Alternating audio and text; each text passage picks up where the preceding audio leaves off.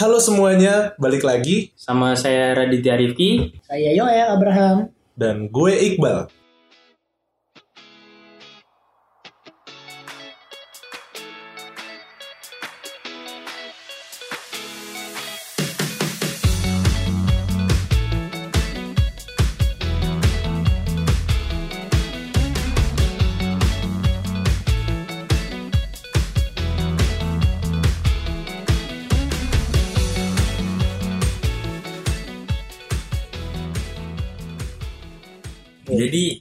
Yul? Udah lumayan cukup lama ya kita ya nggak? Gila, lama lama banget. kangen Udah tiga tahun setengah terakhir kita podcast Ah, kalau nggak salah ya. Iya. Terakhir juga kolom komentar dibanjiri netizen ya. Iya, eh, lu tau nggak? DM gua tuh sampai seribuan lebih. Nanya bang, podcast bang, bang podcast bang. Oh Iya. enggak, gue kirain isi DM lu debt collector semua. Oh enggak, itu kan bayar utang bang, bang bayar Dan utang. dia Iya. ini apa? Cewek-cewek. Oh, enggak kagak. Jadi seribu komentar, seribu pertanyaan, tapi ada satu orang. Oh, saya dari satu. Iya, satu orang, tapi seribu kali. Bang podcast Nge-spam bang, ya. nge-spam. Fun fact buat para pendengar Cuankes, ini nih kita nggak tag podcast gara-gara si Bang Iqbal nih lagi dia fokus ke salah satu hal ya, olahraga ya. Dia lagi mendalami olahraga lempar lembing, Oh lempar lembing. Iya, lempar lembing. Dia lagi jadi atlet lempar lembing. atlet lempar Iya. lembing ya. Tiap, tiap hari berapa sapu yang lu patahin, Bal, buat di, di, di latihan? Banyak banget sih. Oke. yang pastinya nggak sampai sapu tetangga lah yang gue patah. Oh, sapu di rumah ya. Iya, rumah. sapu di rumah aja cukup. Iya, Untung nggak dicariin orang tua lu. Iya, cukup tupperware aja yang kalau hilang dicariin. Iya, anaknya enggak. Anaknya Tupperware-nya pe- pulang. Tupperware-nya Iya. Anaknya mah bebas. Pulang apa enggak yang penting Tupperware pulang. Iya.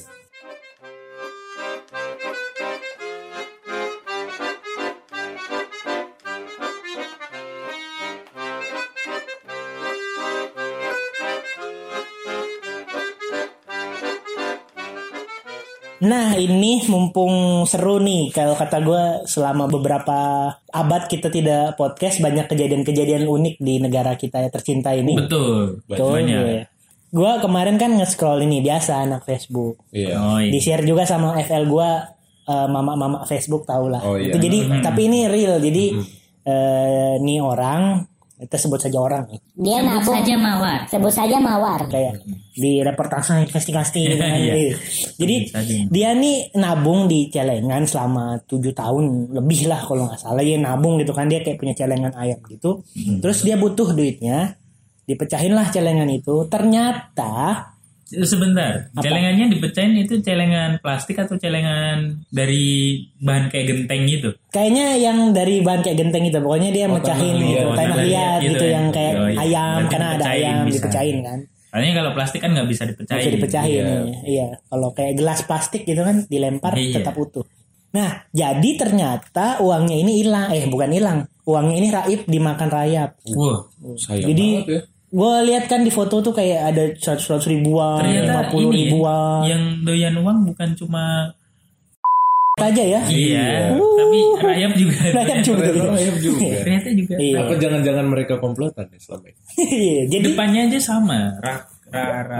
Ra ada, ra ada ada, iya. ra, ra. Iya, ra, Aduh. ra. oke Oke. podcast pertama dan kita sudah bermain di pinggir jurang. Tinggal loncat. Oke eh, jadi uangnya tuh dimakan rayap semua. Lu gue liat tuh kayak cepet-cepet 50 banyak banget cuk. Itu ini semua ke kemakan rayap gitu setengahnya gitu. Eh, mungkin karena ini ya nabungnya lama. Iya kan tadi tujuh tahun. tujuh tahun tahun lebih gitu kan. Dan itu uang cepet 50 dari- cepet 50 gitu loh. Iya. Kirain dari zaman ini ayam buruk. Iya. Oh, bukan. Eh kalau mata uang di zaman itu apaan dong? Perak gitu ya, emas gitu ditabung di celengan. Iya. Enggak. Enggak, enggak sih. Waktu itu sih kayaknya debit ya.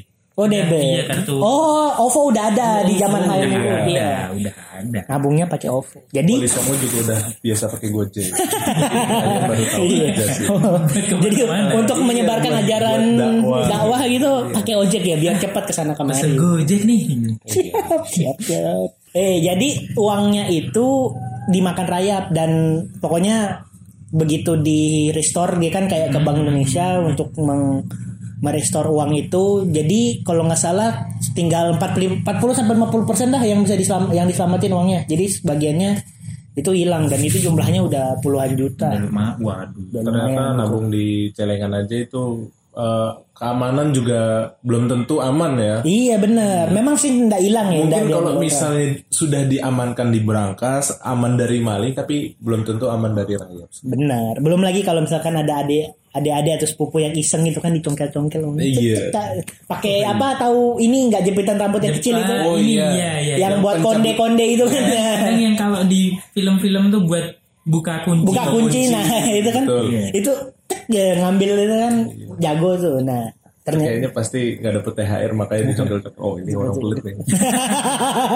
Nah, bilang. Curhat. THR ini THR-nya prasmanan ambil sendiri. ambil sendiri Iya, dari ambil celengan sendiri. tergantung skill masing-masing iya jadi nabung di celengan tuh udah tidak aman Udah gitu kan klasik juga, udah gimana ya? Nggak kekinian sih. kuno iya Kuno. kalau lu dit gimana do kalau misalkan lu nabungnya di mana sekarang Kalau di sih di bawah spray apa buka. Gue sih ini masih di ini sih via bank biasa. Tapi sama satu lagi nih ada yang lagi rame kan nabung di ini investasi saham. Jadi gue beliin salah satu saham gitu untuk masa depan gue nanti dan anak-anak gue nanti. asik dia udah memikirkan masa depan Visioner ya? visioner gitu gila ini calon istrinya pasti senang banget sih dengarnya Seneng banget sama duitnya. duitnya duitnya sih Enggak lah. Emang lu nabung di mana? Gue ini sih di perut. gue beliin makanan. Oh. Gue gue mah. Oh, ini food food itu. Iya, kan kan lo tahu kan kalau tempat tidur gue kan kayu, terus ada kasurnya. Mm, Nah lo lihat angkat aja kasurnya itu. Ada duit banyak ya itu tabungan gue di situ. Oh di situ. lebih lebih ini dong, lebih lebih bahaya dari nabung di celengan. Di I- celengan i- masih di tempat. Iya, iya gue gue nabung gitu kayak setiap bulan kan lima ribu gitu kan. Tapi udah 12 bulan berjalan, tapi entah kenapa uang di bawah kasur gue tuh tetap 500 ribu aja. Oh iya. Oh iya. Nggak tahu kenapa. Nggak nambah Iya, ya? Nggak nambah, nggak nambah. Itu gue keinget salah satu ini, salah satu adegan di film. Di itu tuh dia nabungnya kalau lo kan di bawah kasur ya. Nah, Dia tuh ini nyimpen uang di sofa. oh di sofa. di sofa dan sofanya kebetulan waktu itu di film itu dituker Walah. Aduh. Ini ya. ini warkop warkop Warkop DKI Oh, ya lo Gua malah Iya, iya. inget scene-nya SpongeBob. si kasino nyari uangnya itu Heeh. iya kan Oh, iya, di sofa itu sofanya dituker Dituker. Iya. Terus uang hilang. Sama kayak SpongeBob sih, Oh, sih. iya, yang tuh Tuan Tuan Crab kan naruh di Iya, bawah itu iya, terus di bawah. yang waktu itu terus di, ini kan, dibeliin kasur baru ya sama Iya. SpongeBob Iya. dipindah eh, apa ke namanya tempat pembuangan Ke sampah. tempat pembuangan sampah ya ada anjing cacing Iya, cacingnya tapi gonggong. cacing, iya. Iya. Cacingnya gonggong. Itu cuma di situ doang. nyari logik ngambil sekali. sangat logik gitu. Jadi itu intinya tempat nabung itu unik-unik ya. Nah, cuma sebenarnya setelah gua mempelajari kesalahan gue Hmm. yang nabungnya di kasur nggak nambah-nambah, akhirnya gue mem- melihat instrumen investasi yang kayak iya. Adit bilang kan ada investasi itu banyak eh, instrumennya kayak kayak Hmm. ada di properti, ada Iya, yang ada di properti. pendidikan, ada yang di Emas. emas, ada yang di mbak Mbak di bank di Abang. Iya. Iya. ada ada yang kayak di obligasi, deposito, Iya. saham itu kan kayak banyak banget ya. Jadi sekarang tuh nabung nabung di celengan kan udah kuno banget, udah bis- bisa hilang lagi, entah bisa dimakan rayap atau diambil orang.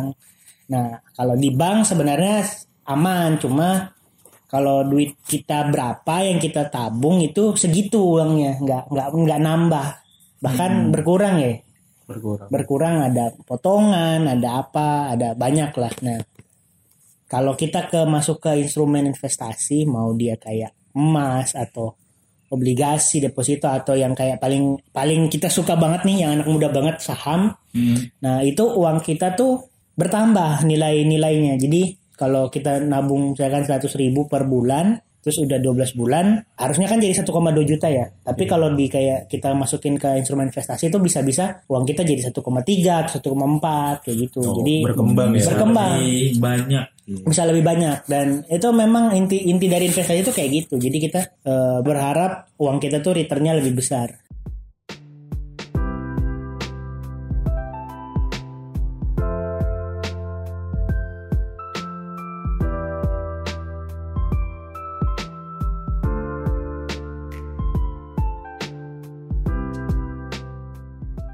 Tapi nah. ini juga dong yang itu apa namanya investasi-investasi yang ini seminggu atau sebulan gitu. Biasanya lo dijanjiin kapal pesiar gitu. Oh, paham, paham, paham. Iya, apa namanya? Investasi Eh, apa? ya? dijamin saat Iya, dalam dijamin satu dalam eh enam ya satu enam bulan, gitu kan. bisa beli HRV baru Iya. dalam enam bulan bisa pergi ke Paris Iya. dalam, Dalam, satu tahun dalam sebulan bisa beli Facebook. Waduh, Waduh, ini loh. sahamnya apa seluruhnya Iya, saya mana tahu. YNT KTS. Zuckerberg.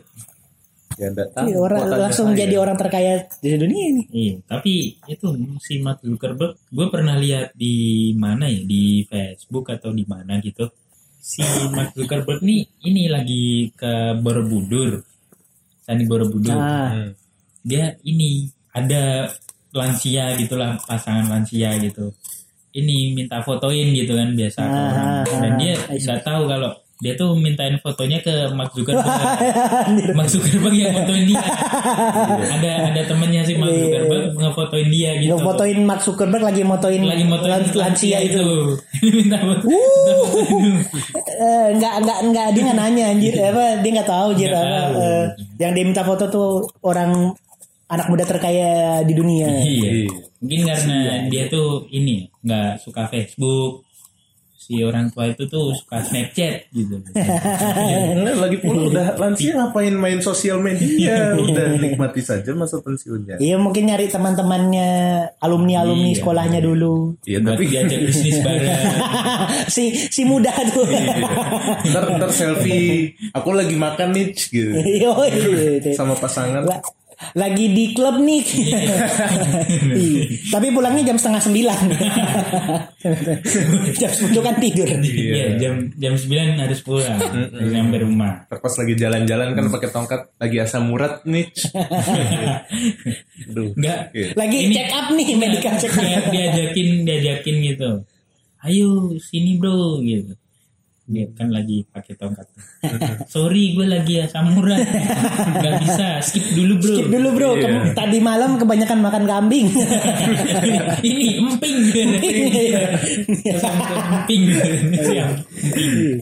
Gitu. Jadi tadi sampai mana sih kalau udah sampai Facebook? Ah, oh Iya, beli iya, Facebook ya. beli Iya, iya. Facebook, iya. Ah, in- invest. Jadi kalau lo invest tuh apa ininya jadi lebih banyak return return dari uang lo tuh lebih gede.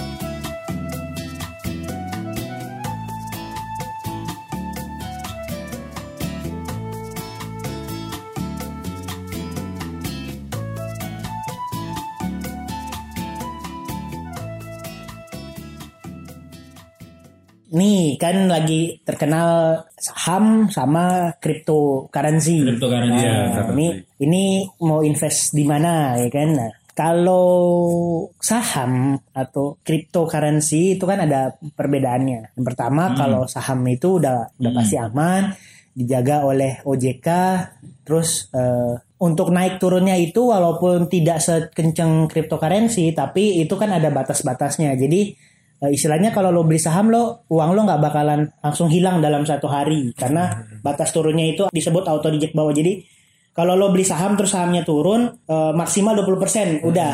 Jadi eh, bakal misalnya ketahan menyentuh ah, ini ya batas batas bawah gitu. Iya batas kerugian yang udah kita setting di awal itu auto narik kan. ah auto auto narik Nggak nggak sampai habis Nah total. iya itu trading. Nah kalau di bursa efeknya juga ada batasnya. Jadi 20% tek udah dia berhenti sahamnya. Jadi udah udah nggak bakal jatuh lagi gitu. Makanya kalau kayak di kripto atau trading yang lain itu Bakal dia mau jatuh sejatuh-jatuhnya juga. Iya jadi ini uang lo bisa hilang kan kemarin nih teman-teman gue pada masuk kripto kan ada yang ke-share tuh meme-nya Iya. meme meme dari lu kan bal iya apa Dugi itu. kok kamu nangis kamu nangis ya di kamar ya iya Oh, Iya, tapi tapi gambarnya ini ya. Iya, chartnya lagi turun parah, banget. turun. Nah, iya. Oh, Jadi iya. Kenapa begitu? Karena di cryptocurrency ini dia nggak ada batas atas batas bawah. Jadi kalau dia mau turun kejam gitu. Iya. Ya, jadi kalau teman-teman yang masih newbie terus mau langsung trading di crypto atau forex mending jangan. Atau kecuali lo pakai uang ini uang dingin atau apa namanya uang yang Uang siap hilang ya karena kalau Uang di kulkas. Iya, uang yang lu masukin di kulkas kan dingin tuh. Jadi kayak kata coach gua, coach gua tuh kalau misalkan lo mau invest di trading di tempat-tempat seperti itu kayak kripto atau forex, lo sud- udah pas lo naruh atau nyetor uang itu lo udah anggap aja uang lo tuh udah hilang gitu. Hmm. Ya, jadi kalau misalkan lo lagi profit itu berarti bonus. Kayak gitu. Jangan berharap banyak. Kecuali misalkan lo udah tahu keilmuannya. Nah, beda di saham. Kalau di saham lo bisa jadiin trading, bisa jadiin buat investasi jangka panjang.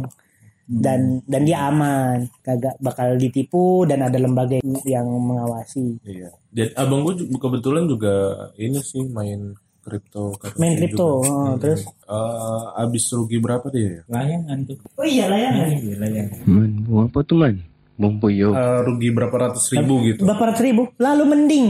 Iya. P adu aduh ini. Jadi adu skill. Adu, Skill. adu Ya, nasib. adu nasib. P adu nasib. Nih, te- teman gua itu sampai rugi 20 jutaan di kripto. Hmm. Iya. Cuma dia ini sih karena dia udah ya udahlah memang gua Karena dia emang udah kaya. emang ya. udah kaya dan 20 juta ya udah sih besok juga dapat lagi. Jadi kayak iya.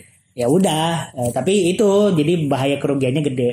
Saya mau bandingin nih teman-teman lo yang teman-teman yang udah mengenal dunia investasi lebih milih mana sih? Kripto atau saham? Nah, tulis di kolom komentar.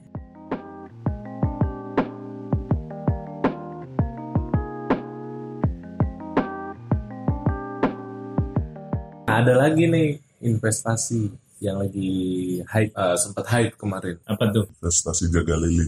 Oh iya, investasi ternak. Iya. Ternak. Oh, jadi spesifik. kemarin ternyata waktu kita lagi vakum, Bang Iqbal lagi mendalami dunia ilmu. oh gitu. Iya, ini diem. Lo lagi belajar Lagi trading belajar, ini, trading iya, jaga lilin. bikin- iya. Kebetulan juga kan itu keberadaan di Depok. Oh, iya, kan. Jadi- jadi rumah lo juga di untungnya, Depok. ya. Untungnya saya kan di Depok, jadi nggak nggak ketahuan kalau saya yang jaga lilin. Ya? Jadi ini kalau yang begitu tuh invest, eh, investasinya dua arah. Ya, yang satu jaga lilin, yang satu nyari kan. Iya. dua arah dia sellingnya. Nah kalau jadi jaga lilin, Ih, jaga lilin. ya kalau jaga lilin ya ya masing-masing. Iya, kalau kan apa ya? Kalau di saham kan ada strategi trading plan gitu ya. Mm, benar, Ah, ah. benar. Ada ada plannya gitu lah. Mau misalnya mau beli saham apa terus Di harga berapa, Harga berapa. jual berapa. Investasi jaga lilin juga ada. Oh ya, Jadi nggak sembarang berarti rumah gini, yang gini. dimasukin. orang yang jaga lilin tuh selalu gerah berarti. Kan Iya. bisa ngidupin kipas. iya memang. Oh iya. Kalau lilinnya, ngidupin kipas kan lilinnya goyang-goyang. Iya. Lilinnya- Nggak bisa ditinggal ke kamar mandi juga kayaknya. Oh gitu. Iya. iya benar sih. Lilin, buset, lilinnya mati stop loss dia. Oh stop. Cut Iya, loss stop dia loss. langsung. Langsung.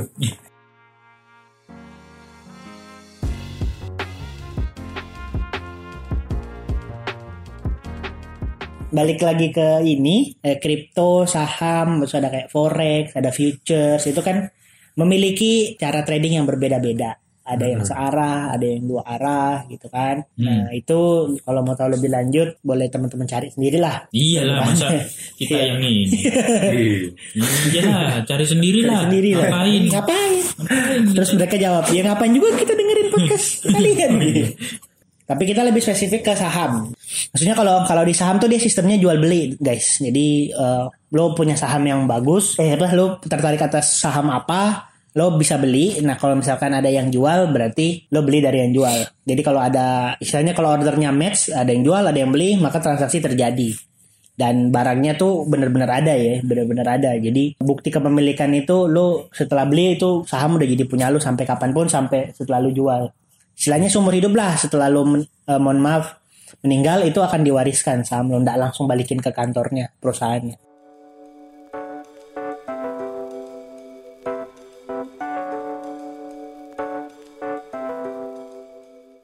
Kripto sama saham. Itu bedanya apa aja, Mas Yuel? Kalau perbedaan dari saham dan kripto dari jam kalau di bursa saham kan ada jam perdagangannya gitu. ada Iya. dari jam perdagangannya beda kalau kayak saham kan dia, dia kayak manusiawi gitu loh Hmm. jadi mulainya jam 9 terus jam 12 dia istirahat Iya, iya, iya. nanti dia mulai lagi setengah dua itu sampai jam 3 Hmm. nah itu itu saham udah habis itu udah gak ada perdagangan lagi Oh gitu. Nah, kalau kayak Jadi di- seperti aktivitas kerja manusia pada umumnya. Hmm, ya. benar benar. Kalau kayak di kripto dia 24 jam perdagangannya. Oh, Iya. Kadang mungkin kalau dia tergantung malah tergantung brokernya. Brokernya menetapkan libur sendiri kadang-kadang. Jadi Oh, gitu. Iya, tergantung brokernya gitu sih kalau kripto. Bahkan tapi ada yang 24 jam juga. Jadi kapan pun di mana pun lo bisa trading gitu. Nah terus, Lalu dari resikonya lebih oke, gimana? kalau dari resiko eh, saham tuh sebenarnya kalau dimasukin di dalam instrumen investasi dia high risk high return memang. Dia high risk. Di ini Tapi- dari beberapa in- instrumen investasi lainnya seperti Betul, emas. seperti gitu. emas, di obligasi. Tapi kalau di kripto, kripto ini lebih high risk lagi dari dari saham. Iya. Kalau saham tuh masih bisa dikontrol kayak resikonya. Iya betul. masih bisa dikontrol, masih bisa masih bisa aman karena dari bursa efeknya juga menetapkan batas atas batas bawah gitu, ada auto rejectnya. Iya. Kalau Seperti kripto yang dijelaskan Mas Wel tadi. Iya, nah Iya, kalau kalau kripto kan kalau udah uh, rugi kan nggak bisa dikontrol tuh ya. Jadi mau jatuh jatuh jatuhnya ya udah.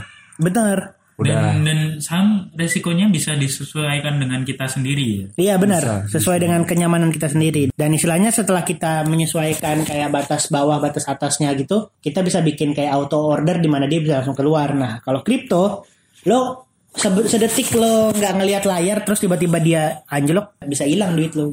Iya. Kalau di saham lo nggak bakal hilang lo karena paling nggak walaupun lo rugi rugi rugi banget lah itu lo masih bisa ada batas batas bawahnya lah 50 perak.